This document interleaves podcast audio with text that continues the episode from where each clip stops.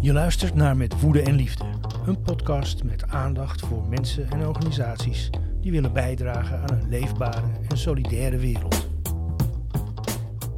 Mijn naam is Bart van Manen.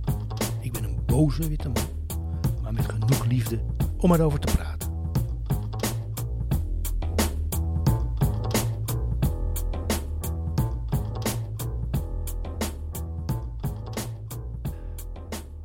Naast landbouw, industrie en luchtvaart is de bouwsector verantwoordelijk voor veel schadelijke uitstoot. Het is de tweede meest vervuilende sector in Nederland. Er moet iets aan gedaan worden. Iedereen weet het. Maar Godfried van Bouillon, denk ik dan. Als ik die kletspraatjes hoor van Bouwen Nederland of VNO-NCW, die beginnen te piepen en te dreigen met banenverlies. Of weer eens uitstel bepleiten omdat eigenlijk heel Europa mee moet doen. Zoals onlangs die mevrouw Thijssen. Het is overigens niet zozeer het bouwen zelf, als wel de materialen en het transport die zorgen voor CO2-uitstoot. Staal en beton vragen grote hoeveelheden energie om dat spul te maken. En daar wordt veel fossiele brandstof voor verstookt. De roep om meer circulair en duurzaam te bouwen is daarom gelukkig groeiende. En aan recycling en hergebruik kleven natuurlijk ook economische kansen en werkgelegenheid. Met name in Noord- en West-Europa zijn bedrijven daar druk mee bezig met het produceren van herbruikbare producten, met oude en nieuwe technieken en natuurlijke materialen. Maar de bouw is een conservatieve sector die met veel regelgeving en veel kapitaal te maken heeft. Dus met grote belangen, waarbij natuur en milieu niet vanzelfsprekend in de top 5 staan. Iemand die dat een aantal jaren geleden ook opmerkte, is Fraser Stokes. In 2019, voor de coronapandemie, organiseerde hij de eerste versie van Waste Build Zero in de RAI. Dat kreeg in mei dit jaar een vervolg met een tweedaagse conferentie in de oude NDSM-werf in Amsterdam. Ik was erbij. Fraser Stokes komt uit de evenementenbranche. Hij hielp zelf mee aan meerdere congressen in de bouwsector. En hij zag daar eveneens verspilling van materialen en bergen afval.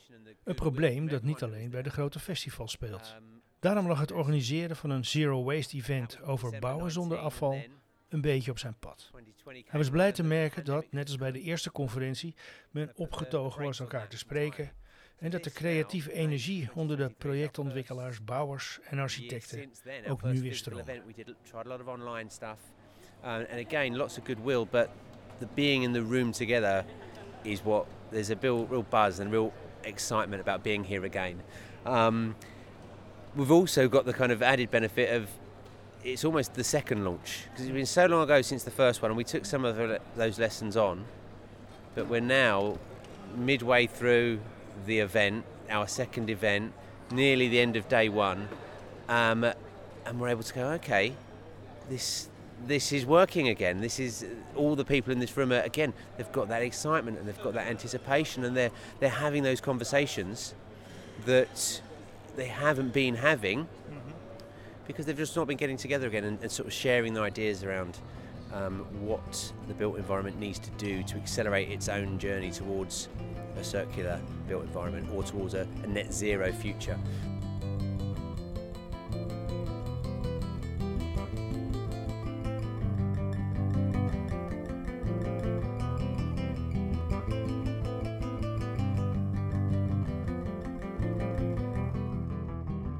Vroeger werden huizen gebouwd van leem en stro. Nu doen zogenaamde biocomposieten iets vergelijkbaars. Met meerdere grondstoffen een nieuw materiaal maken. Maar biocomposieten zijn onvergelijkbaar veel sterker dan leem en stro. En ze zijn te gebruiken op verschillende manieren en in verschillende situaties. Een andere overeenkomst is natuurlijk dat het materiaal opnieuw is te gebruiken. Ik sta bij het kleine maar fijne steentje van NPSP. Stel je even voor. Ja, ik, uh, mijn naam is Bas Vroon, ik ben hoofd uh, Business Development en ik help vooral om uh, de nieuwe ideeën naar de markt te krijgen in onze fabriek. Oké, en jullie maken gevelpanelen van biobased materiaal. kun je kort schetsen hoe dat ongeveer gaat? We maken gebruik van uh, natuurlijke vezels, zoals bijvoorbeeld uh, riet, hennep, uh, bamboe, jute. Dat mixen we met hergebruikt kalk en een hars. Nou, dat kneden we tot een deeg en dat persen we dan tot het eindproduct. En, en wie gebruiken jullie producten? nou, we gebruiken. Ja. De, de, producten worden nu zeg maar in de bouw toegepast. Dus als, we staan hier met een gevelproduct, maar we maken bijvoorbeeld ook uh, verkeersborden.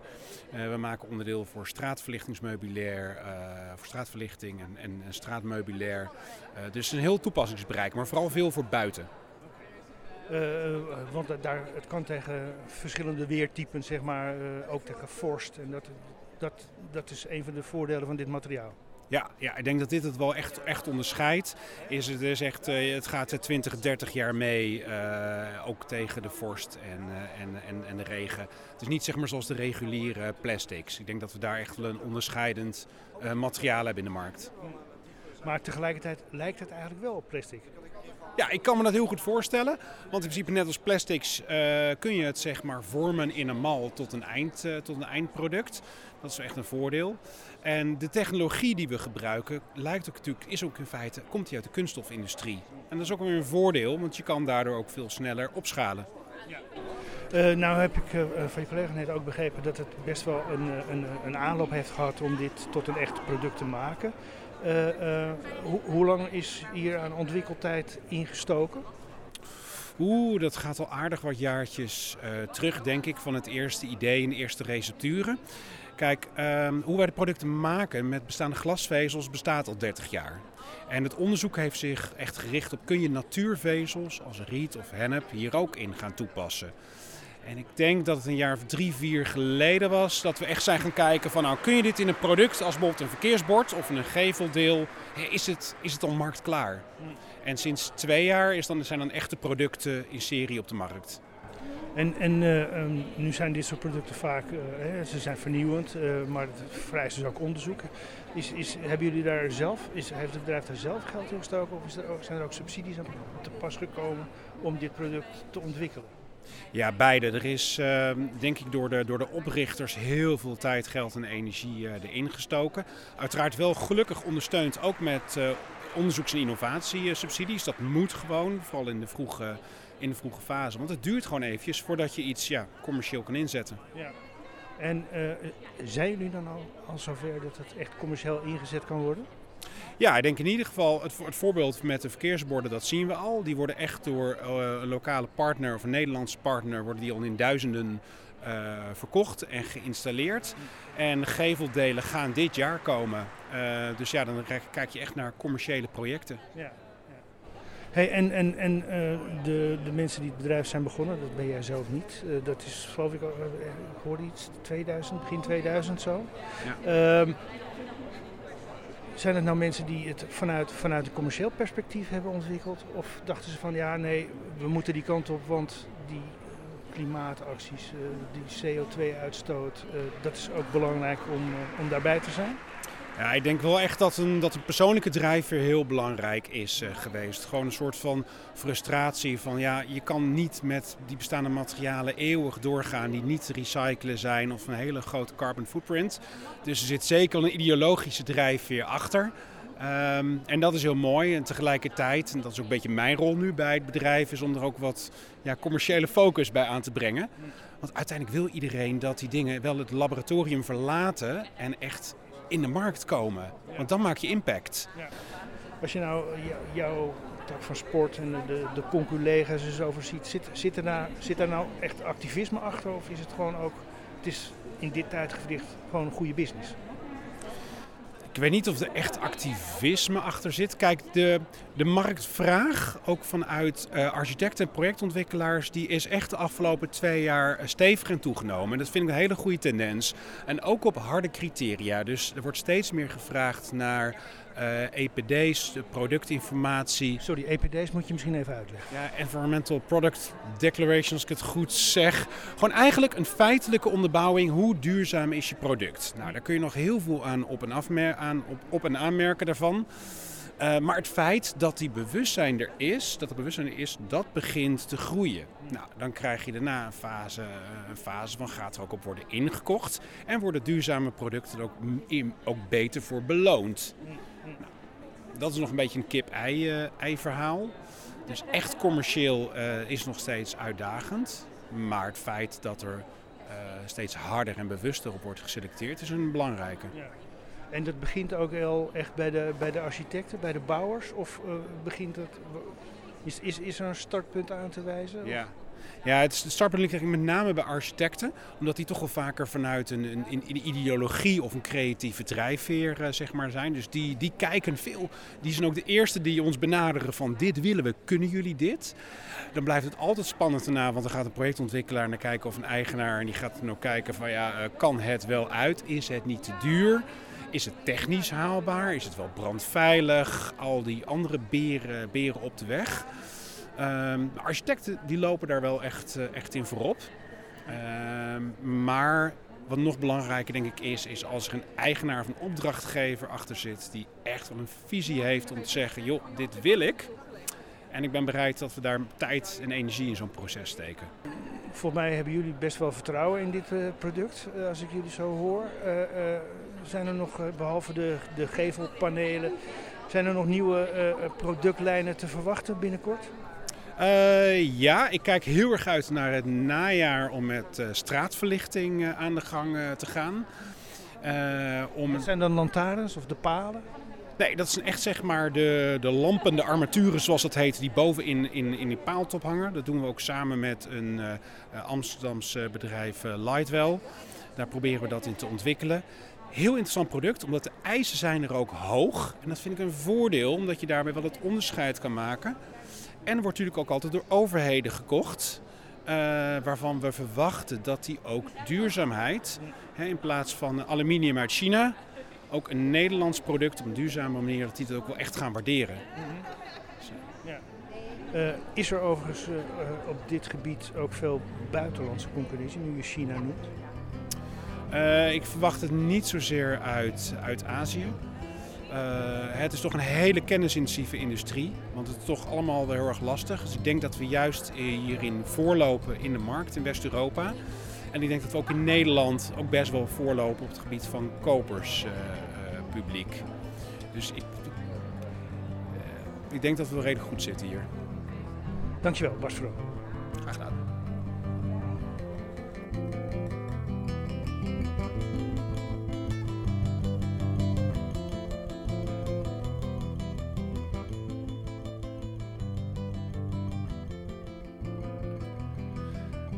Wat is na leem en stro een ander bekend basismateriaal om een huis te bouwen?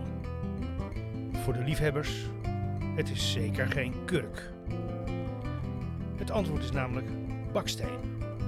Op Waste Build Zero trof ik een overzichtelijk steentje met bakstenen in verschillende kleuren.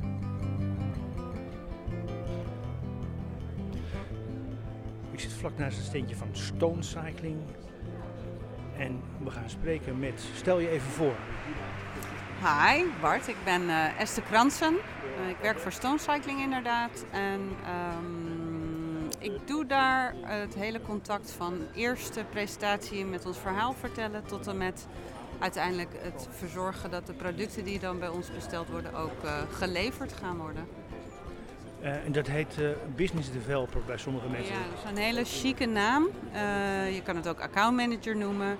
Als ik op een feestje ben en ze vragen wat ik doe, dan zeg ik ook wel eens ik verkoop stenen. Dus dat doet het ook heel leuk. Um, ja. Even in het kort, wat is de specialiteit van het bedrijf?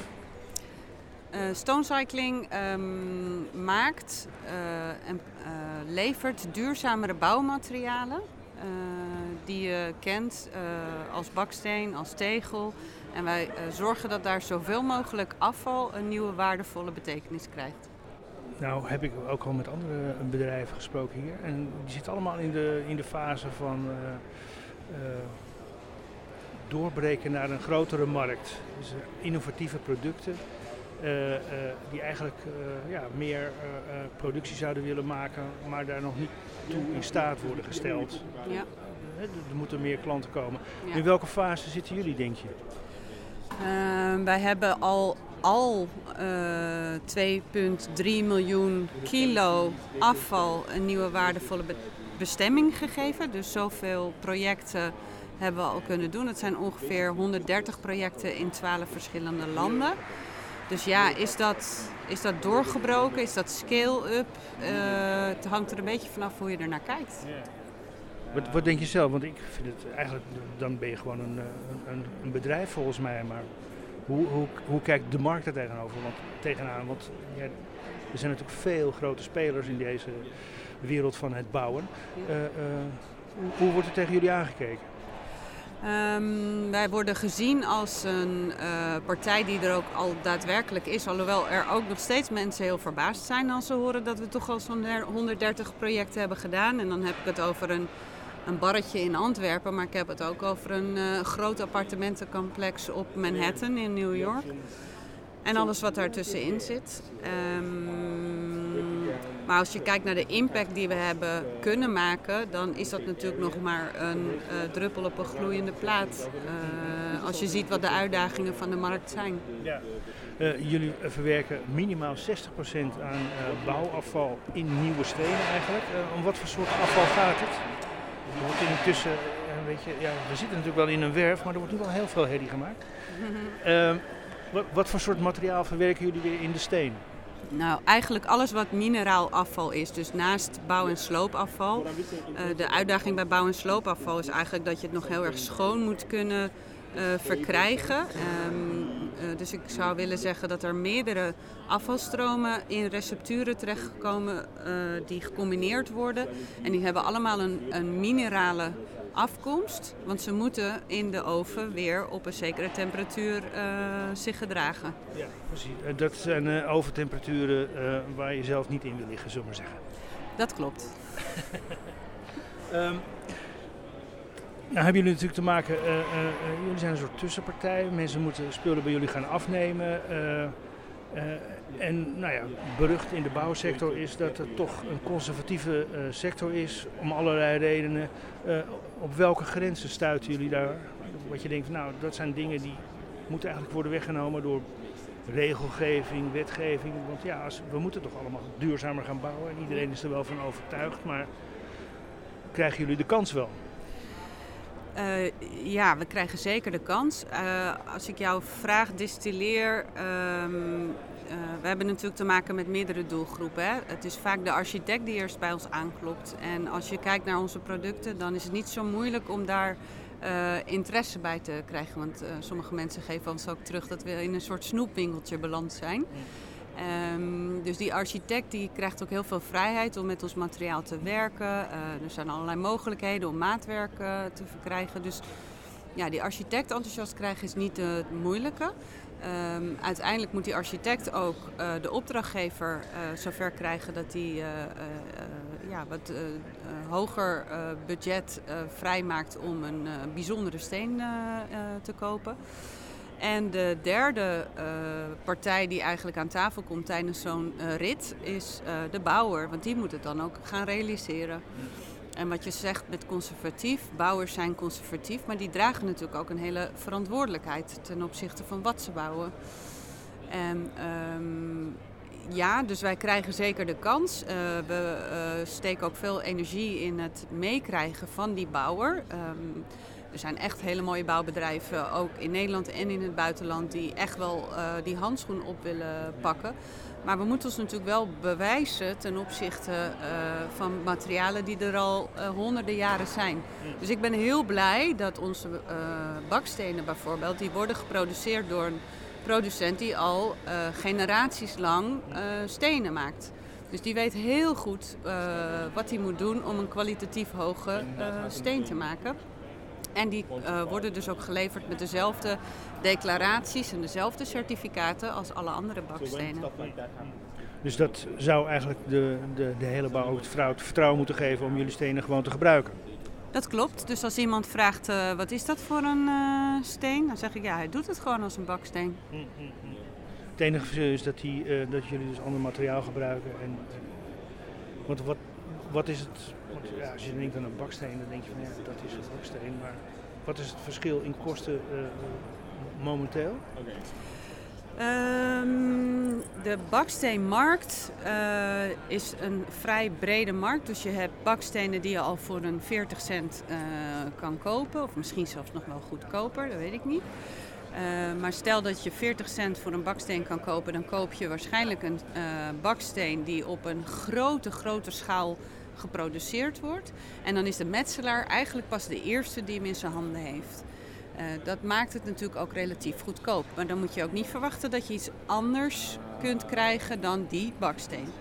Onze bakstenen zitten wat aan de hogere kant uh, van het segment. En uh, het hangt er bij ons wel een beetje vanaf welke kleur en welke textuur en in welke hoeveelheden. Uh, maar uh, bij ons is uh, de metselaar misschien wel de vijfde persoon die hem in zijn handen heeft. Omdat wij op een kleinere schaal produceren, zit er dus ook heel veel ja, vakmanschap in en, en, en hoe noem je dat, ambacht. wat die steen nu nog op dit moment wat duurder maakt. Ja. Ja, want je hebt het over kleur en iedereen denkt van nou, baksteen is een baksteen. Maar het zijn ongelooflijk veel kleuren en doordat jullie hem extra behandelen, hè, zoals die strips, die jullie ook, baksteenstrips, kun je echt heel veel verschillende soorten kleuren maken. Dat maakt het ook weer bijzonder. Ja, dat klopt. En wij werken dus niet met uh, pigmenten of iets dergelijks, maar wij zoeken echt de grenzen op van wat je kunt uh, maken binnen de kunst van het maken van bakstenen.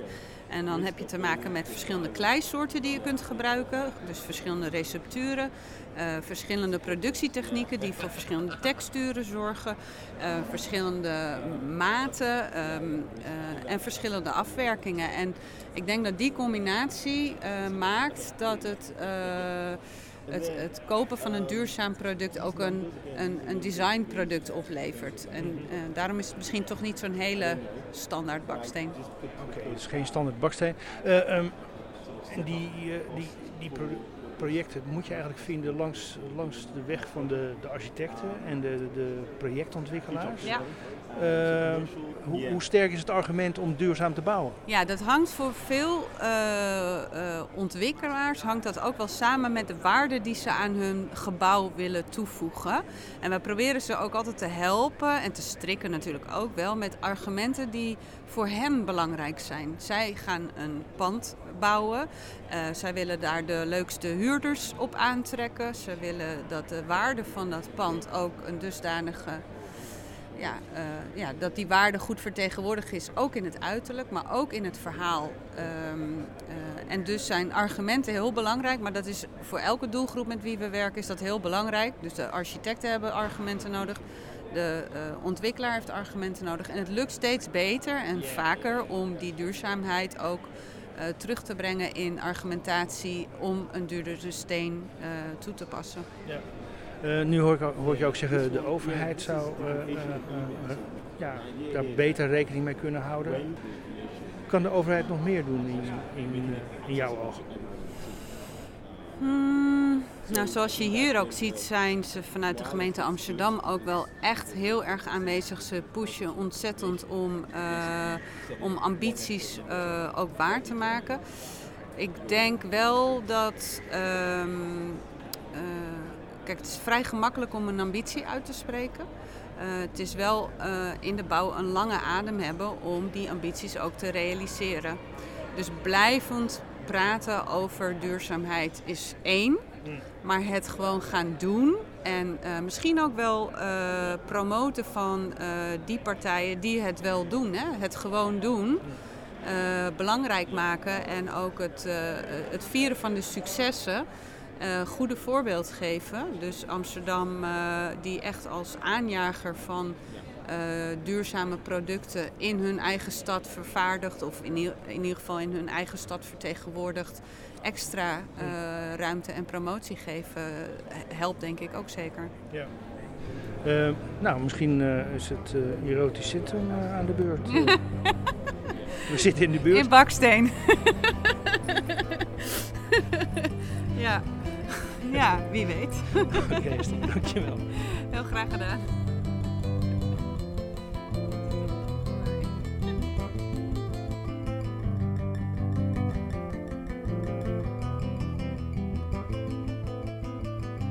Kleine reis langs steentjes op Waste Build Zero brengt me bij een relatief nieuwe vorm van maken, van bouwen. De wereld van 3D-printen. Ik zie sierelementen, wandpanelen en een poef. Ik lees plastic, tetrapak en denk: wat is hier nou circulair aan? Nou, de conferentie loopt uh, naar een einde toe, vrijdagmiddag 12 mei. En ik sta bij het steentje van Actual en ik spreek met. Hedwig Heinsman. En wat doe jij bij Actual? Ik ben een van de medeoprichters en de creatief directeur. Uh, wat is de specialiteit van het bedrijf? Nou, wij maken volledig circulaire interieurproducten en ook architectuurproducten, zoals wandpanelen en meubels en zoals vloeren. Helemaal gemaakt van uh, voornamelijk uh, gerecyclede afvalplastics. Door 3D-printen. En wat voor, wat voor afvalplastics moet ik dan aan denken? Nou, een voorbeeld wat je ook hier in de stand ziet, is dat we heel veel printen met uh, polyal. Dat is het um, plastic wat aan de binnenkant van drankkartonverpakkingen zit, zoals bijvoorbeeld Tetra Pak. Er worden er 200 miljoen, miljard per jaar gemaakt. Dat is onvoorstelbaar. En dat, dat, karton dat wordt eigenlijk al heel makkelijk gerecycleerd. Maar dus de polymeren en de aluminiums die er nog achterblijven, daar printen wij nu heel veel mee. Want hoe wordt dat dan gescheiden? Dat lijkt me ook al een ingewikkelde kwestie. Ja, nou, dat valt eigenlijk wel mee. Ik kan niet alles verklappen. Wij doen het ook niet zelf. Wij printen er alleen maar mee. Maar het is zo dat eigenlijk al bij heel veel afvalverwerkers dat materiaal uh, ja, op een bepaalde manier door te blazen worden zeg maar, die pakken uit de, de bulk van afval geblazen. Dan vallen ze in een bak met water, eigenlijk een hele grote wasmachine. Mm -hmm. En dan wordt dat karton losgeweekt. Nou, dat gaat dan gewoon weer naar de kartonindustrie. En dan blijven die, die polymeren en die aluminiums, die blijven achter. En daar worden vervolgens dan korrels van gemaakt. En met die korrels kunnen wij weer printen. Okay. Dus als uh, gewone consument hoeven we ons geen zorgen te maken als we een pak melk kopen? Uh, zorgen waarvoor? Nou ja, dat je denkt, maar er zit ook plastic in. Nee, nee, tuurlijk niet. Nee, het is heel... Uh, juist, die, ja, die pakken die zijn wel echt fenomenaal. Want die zijn zo op geoptimaliseerd dat met een minimum aantal plastic het toch helemaal waterdicht is. En ik denk dat heel veel mensen ook onderschatten hoe belangrijk dat soort items toch nog zijn voor de voedselvoorziening over de hele wereld. Dus nou goed, dat is weer een heel ander verhaal. Maar uh, het, wordt, uh, ja, het wordt dus ook heel goed gerecycleerd al. Oké, okay. dus het gaat dan over polymere plastics? Ja, het gaat polyal, dus een polymeer aluminium. Okay. Ja. Okay. Dus daar hoeven we ons geen zorgen over te maken, want we halen natuurlijk wel heel veel plastic in huis. Uh, nou, ik denk dat in principe is plastic natuurlijk geen fijn materiaal. Uh, tegelijkertijd is het gek genoeg eigenlijk heel duurzaam, want het vergaat heel slecht. Dus als je het gebruikt, kun je er maar beter ja, iets heel long-lastings mee doen. Nou, dat is architectuur, dat is interieur en dat doen wij. Wanneer zijn jullie daarmee begonnen? Nou, we, eigenlijk zijn we er al meer dan tien jaar geleden mee begonnen. We hadden toen een architectenbureau, dat heette Dus Architecten. En wij hebben toen als een van de eerste ter wereld een hele grote 3D-printer gebouwd. Met het doel ook om architectuur te printen. En um, ja, eigenlijk is dat toen een beetje uit de hand gelopen. En er kwam best wel veel interesse uit de markt. En op een gegeven moment hebben we toen vijf jaar geleden besloten om daar een start-up van te maken. En ook echt extern geld aangetrokken met internationale investeerders. En dat is Actual nu geworden. Okay. En, en wat, wat, wat was het eerste dat jullie geprint hebben? Het eerste was eigenlijk ja, tien jaar geleden echt delen van een 3D-geprint grachtenpand. Dat stond ook hier ten dele in Amsterdam. Uh, maar dat was een tijdelijk project, dus dat is ook weer afgebroken. Hm. En, uh, en nu maken we vooral interieurproducten. En, en dat, dat idee van hè, bouwdelen printen, is, dat, is, dat is gewoon helemaal voorbij? Nee, alleen het is zo dat eigenlijk als je echt naar de business case kijkt, dan snap je dat een business case van een grachtenpand natuurlijk niet heel groot is op mondiale schaal. en ja, helaas is het wel zo dat eigenlijk de omloop van interieurproducten met name in retail, maar ook in kantoorinrichting en in hotels. Dat gaat eigenlijk steeds sneller. Je ziet dat mensen steeds meer, sneller nieuwe interieurs willen.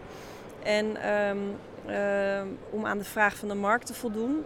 Maar dat is eigenlijk heel erg slecht voor het milieu. Er wordt heel veel weggegooid. Of kijk maar naar standbouw. Nou, dat is echt om te huilen.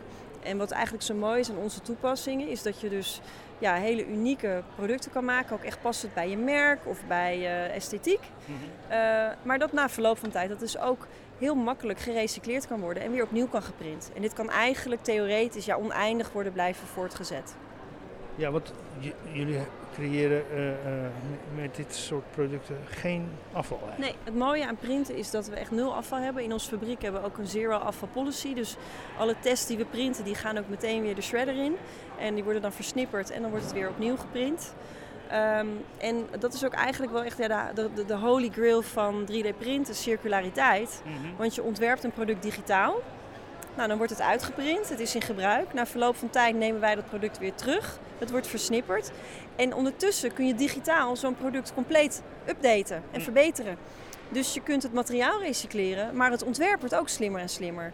Dus dat zijn eigenlijk twee feedback loops: een digitale design feedback loop en een materiaal feedback loop, Ja. die zo continu in elkaar draaien. Oké. Hey, en en eh, eh, hoe gaat het intussen? Want eh, ik heb natuurlijk ook andere mensen gesproken en die hebben allemaal vernieuwende producten. Maar het probleem is opschalen. Ja. Zitten jullie daar ook mee? Eh, ja en nee. Ik denk dat wij dat al een klein beetje voorbij zijn. We zijn natuurlijk ook al een wat oudere start-up. En het mooie aan print is dat je het ook heel makkelijk lokaal kan toepassen. Hè? Dat is natuurlijk het idee. Dus we zijn echt nu wel een mondiaal bedrijf. We, we leveren ook wereldwijd. Maar de productie wordt voornamelijk nog in Amsterdam gedaan. Maar het leuke is dat wij nu echt aan het schalen zijn door onze printers ook op andere landen te zetten. En onze, ja, onze bestanden verschepen we digitaal. Dus we ontwikkelen het allemaal digitaal in Amsterdam. Het wordt via het internet verstuurd en het wordt lokaal uitgeprint. Oké. En dat, dat is nu echt al, echt al de serieuze business? Ja, as we speak zijn we dat nu aan het uitrollen. Dus eh daar worden nu pilots mee gedaan. Dus jullie, dat, dat probleem van opschalen is bij jullie eh, minder eh, frustrerend? Want Nou, dat als is het er. Als er een investeerder meeluistert, mag die vooral langskomen. Dus eh, dat kan zeker. Ehm, eh, en eh, ik heb alleen maar enorm veel respect voor ja, ja, dit soort innovatieve maakbedrijven als de onze. Omdat het gewoon, het is meer dan inderdaad alleen maar een softwareontwikkeling. Het is ook echt produceren. En dat is ontzettend complex. Zeker in de archaïsche bouwindustrie, waar toch al 2000 jaar alles een beetje hetzelfde wordt gedaan. Dus om echt te proberen daar te innoveren, ja, dat is best wel een uitdaging.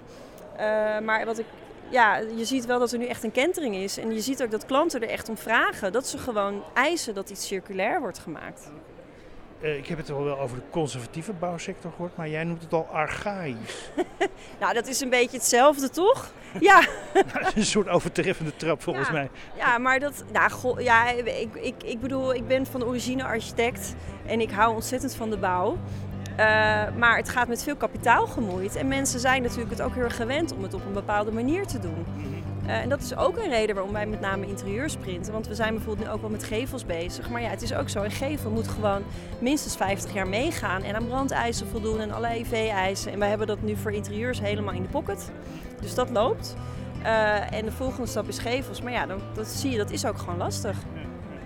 Maar dan worden jullie eigenlijk een soort de mode-industrie van de architectuur. Eh, ja, maar geen fast fashion. Wel echt eh, eh, ja, toegankelijke haute couture. Haute couture voor iedereen. Iedereen een maatpak. Oké, goed. Dankjewel. Graag gedaan.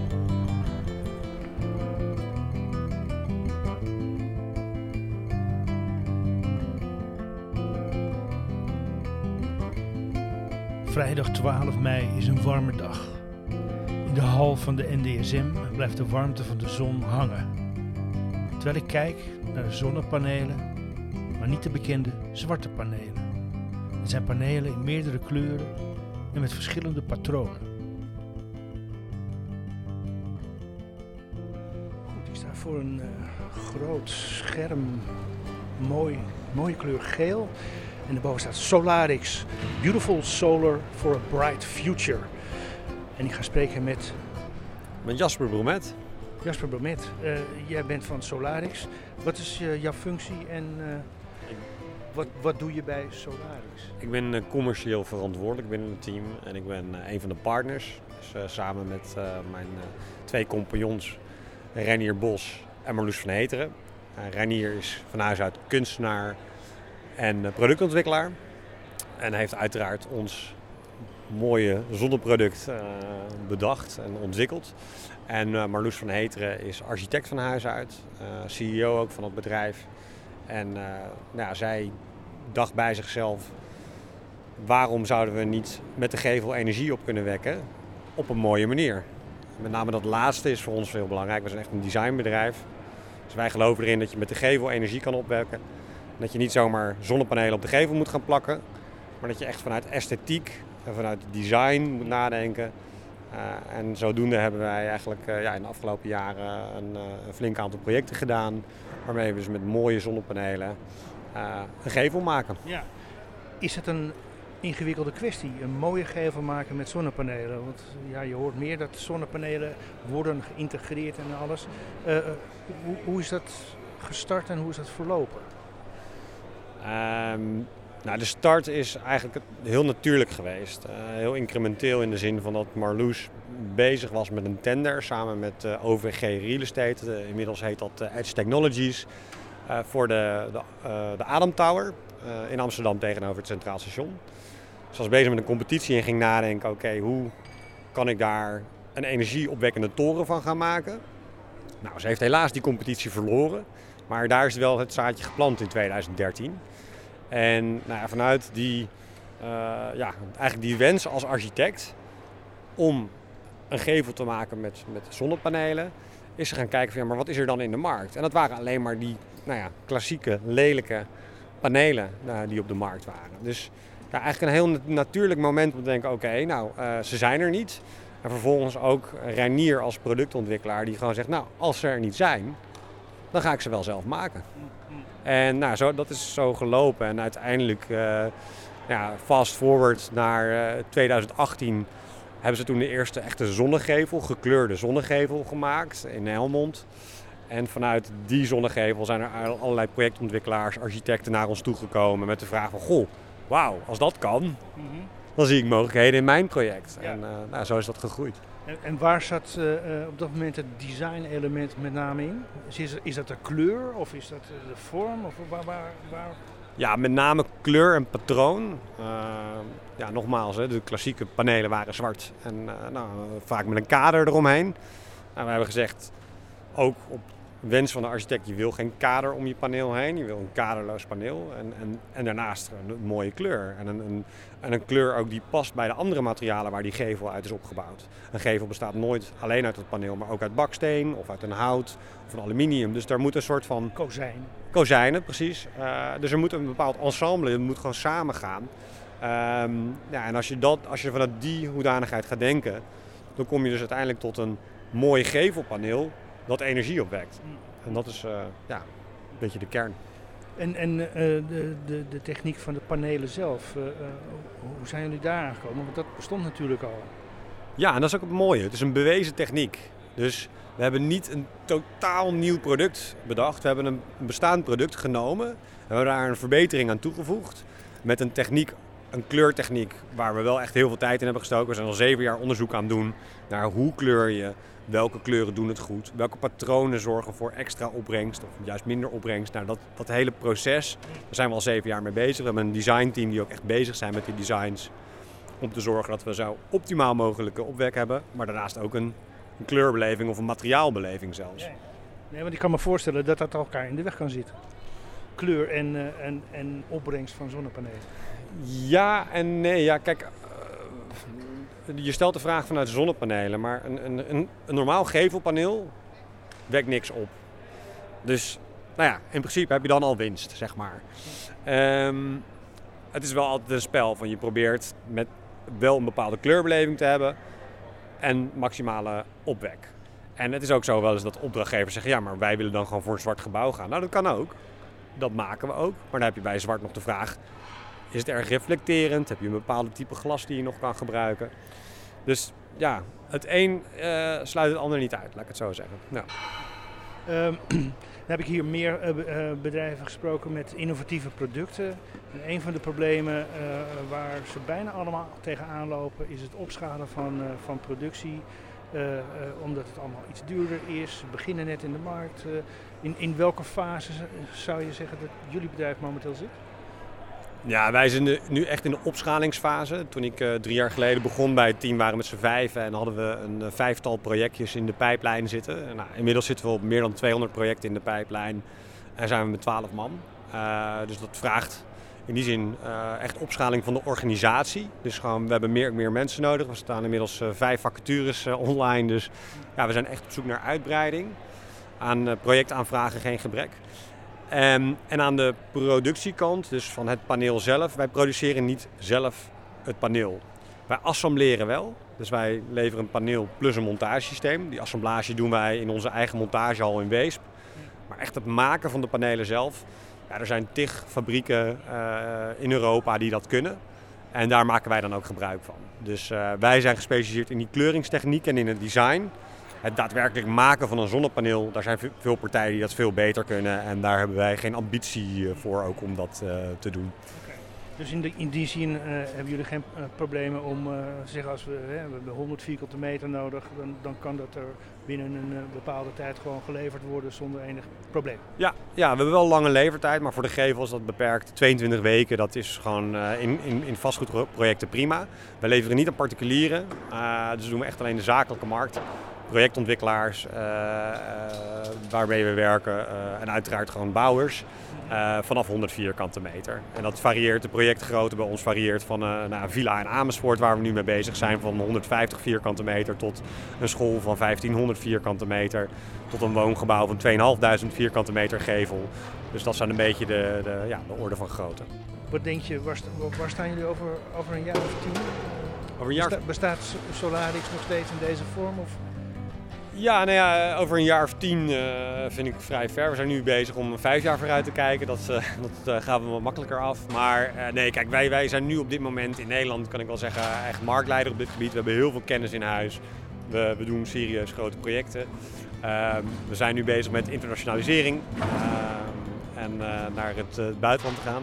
Ehm, dus ja, dat, dat, dat zijn wel echt de volgende stappen. En dan verwacht ik dat wij over eh, vijf jaar eh, niet meer met uh, twintig man zijn, maar met een tienvoudige daarvan. Ja. Uh, u hoort het, er is tijd om op te ruimen hier, begrijp ik. Want alle stands worden met een rumoer ingeklapt en opgeruimd. Jasper, dankjewel. Um, de zon in? Ja, de zon in en mijn panelen opvouwen en mee naar huis nemen. dankjewel. Dankjewel, leuk.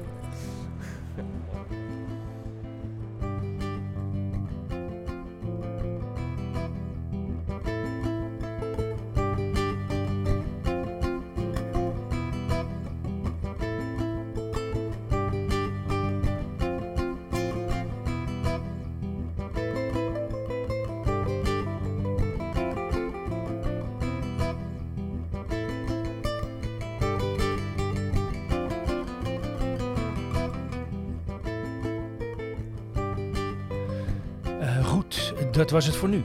Bedankt voor je aandacht. Met dank aan Bas Vroon van npsp.nl, Esther Kransen van stonecycling.com, Hedwig Heinsman van actual.com met AE geschreven. Dat weer wel. Jasper Bromet van Solarix. En Solarix kun je vinden op solarix-solar.com. Meer over mij in de show notes. En wil je deze podcast steunen? Dat kan via petje af slash. En het laatste deel is aan elkaar geschreven. Dat is voor een klein petje. En voor grotere petjes even contact op. Dan word ik misschien wat minder boos. Maar ik blijf praten. Tot de volgende keer.